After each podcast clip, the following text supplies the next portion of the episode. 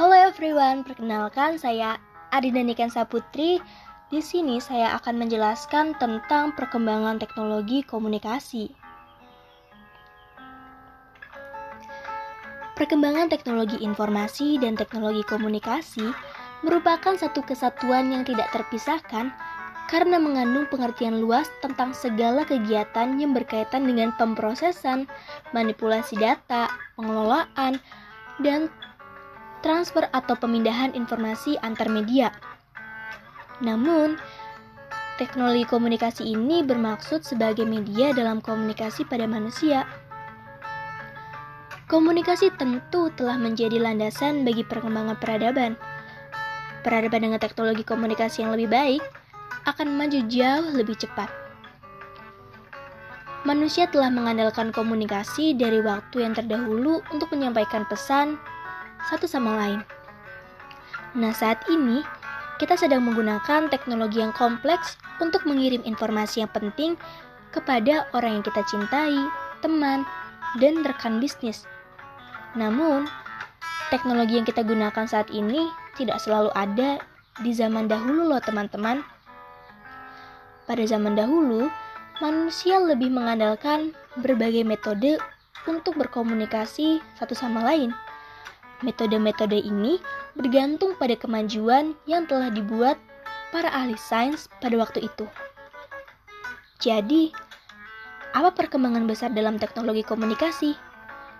Begini teman-teman, perkembangan ini dimulai ketika orang sudah mampu dan mengenal apa itu mengirim pesan secara lisan dari satu area ke area lain.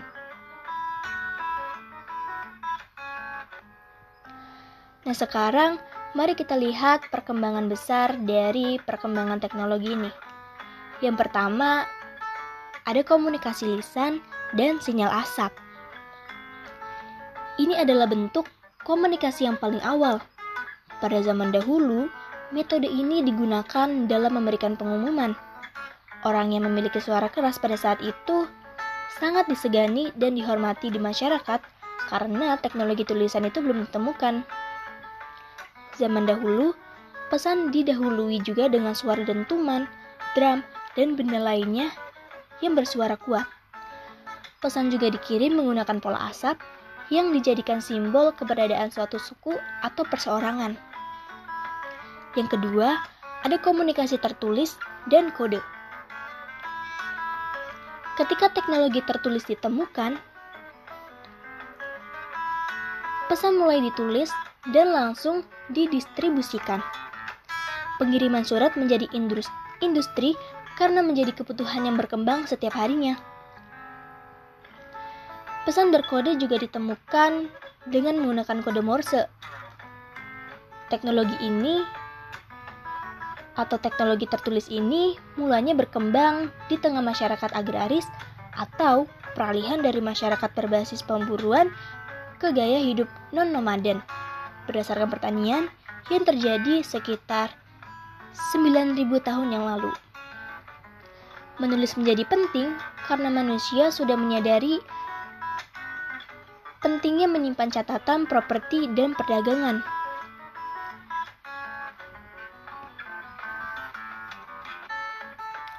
Pada awalnya, gambarlah yang mewakili objek yang sedang ditulis. Lalu ketika masyarakat berkembang lebih lanjut, gambar kemudian mewakili suara. Dan pada akhirnya, di belahan dunia bagian barat, bahasa dan gambar menjadi peluang untuk huruf yang merupakan representasi grafis dari suara tertentu. Sehingga kita dapat merangkai huruf, membuat suatu kata, dan kalimat. Yang ketiga, ada percetakan. Selama ratusan tahun, dokumen itu ditulis dengan tangan, yang tentunya dapat memakan waktu yang cukup lama. Keterampilan menulis juga terbatas pada kelas elit yang berpendidikan tinggi dan sebagian besar adalah pendeta. Pada abad ke-14, percetakan blok menjadi populer. Percetakan blok yang menggunakan blok kayu terukir untuk mencetak satu kata atau huruf. Tapi proses ini tergolong mahal dan tidak efisien. Lalu pada tahun 1454, Johannes Gutenberg, yaitu seorang tukang emas di Jerman, menemukan penemuan berupa mesin cetak yang berisi blok bergerak. Penemuan Gutenberg merevolusi adanya produksi buku, membuat buku terjangkau dan dapat diakses oleh orang lain. Yang keempat, ada telegraf. Penemuan mesin cetak tentu membuat kita lebih mudah untuk berkomunikasi, tetapi sisi negatifnya itu dapat memakan waktu yang berhari-hari, bahkan berminggu-minggu, agar apa yang kita tulis itu tiba sampai tujuan. Lalu para, para ilmuwan mencari cara yang lebih cepat untuk mengirimkan informasi seorang ilmuwan Prancis mengembangkan sistem komunikasi yang menggunakan cahaya untuk mengirimkan sinyal pada akhir abad ke-18.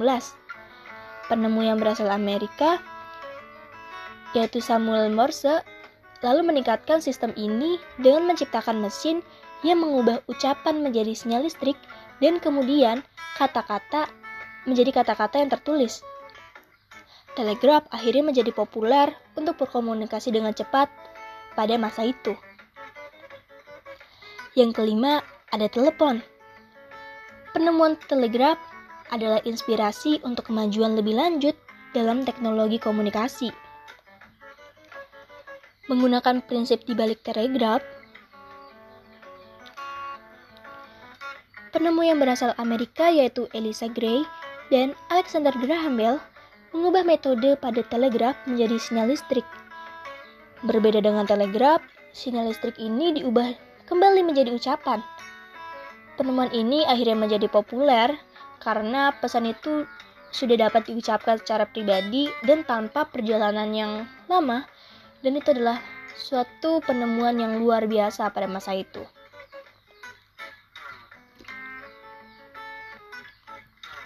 Lalu yang lalu yang keenam ada teknologi digital. Komputer mewakili lompatan besar dalam teknologi komunikasi. Pada awalnya, komputer digunakan hanya melakukan persamaan matematika yang kompleks saja. Namun pada akhirnya, para ilmuwan menyadari bahwa komputer itu dapat digunakan untuk berkomunikasi juga. Prekursor internet terciptalah pada tahun 1989 yang memungkinkan para ilmuwan itu mudah untuk berbagi dokumen satu sama lain melalui komputer mereka masing-masing. Kemunculan teknologi digital ini membuat perkembangan pesat untuk tahap, untuk tahap selanjutnya.